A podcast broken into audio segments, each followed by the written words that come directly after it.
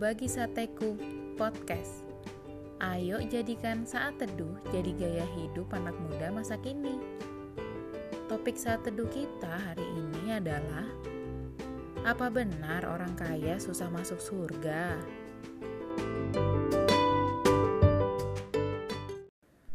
Sahabat Sateku, ayo kita buka Alkitab kita di Lukas 18 ayat 22 sampai 24 yang berbunyi, Mendengar itu, Yesus berkata kepadanya, "Masih tinggal satu hal lagi yang harus kau lakukan. Juallah segala yang kau miliki, dan bagi-bagikanlah itu kepada orang-orang miskin. Maka engkau akan beroleh harta di surga.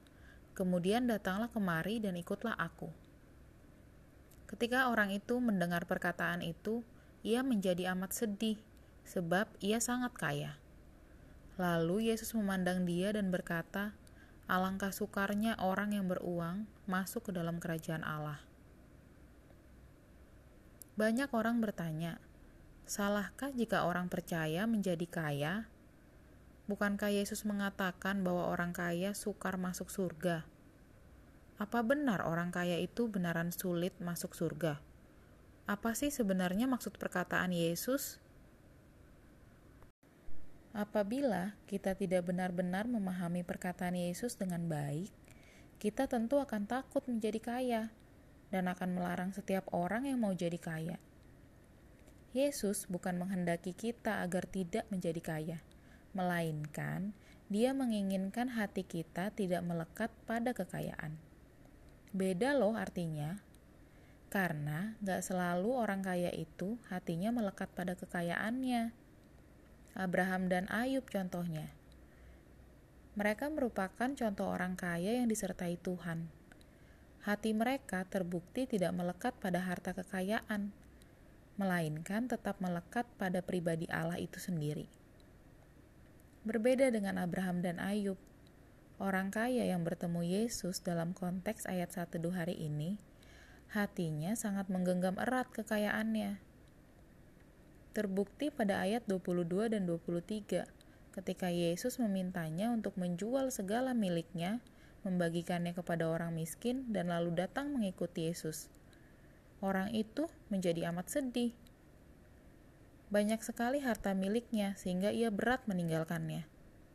Itulah sebabnya Yesus berkata di ayat 24, Alangkah sukarnya orang yang banyak harta masuk ke dalam kerajaan Allah. Yesus tidak melarang kita menjadi kaya. Dia datang ke dunia justru agar kita memperoleh hidup dalam segala kelimpahannya. Tetapi ingatlah, kekayaan dapat dipakai iblis sebagai jerat untuk memikat hati manusia. Demi mendapatkan banyak uang, seseorang dapat bekerja berlebihan tidak ingat waktu, bahkan sampai mengorbankan waktu saat teduh seperti ini, atau waktu-waktu ibadahnya di gereja. Bahkan banyak juga yang demi uang jadi melanggar perintah Allah.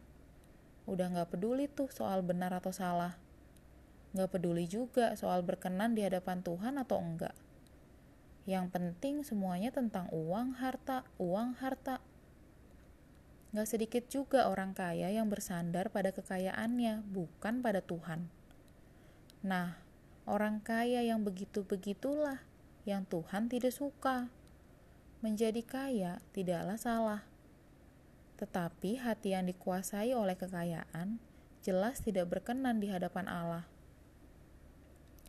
Prinsipnya itu, menjadi kaya, hati kita harus tetap dikuasai Tuhan, bukan dikuasai kekayaan.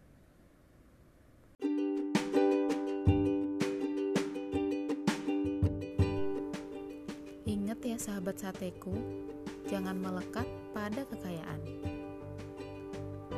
Tetap semangat ya saat teduh setiap harinya. Sampai jumpa di saat teduh saat teduh berikutnya. God bless you.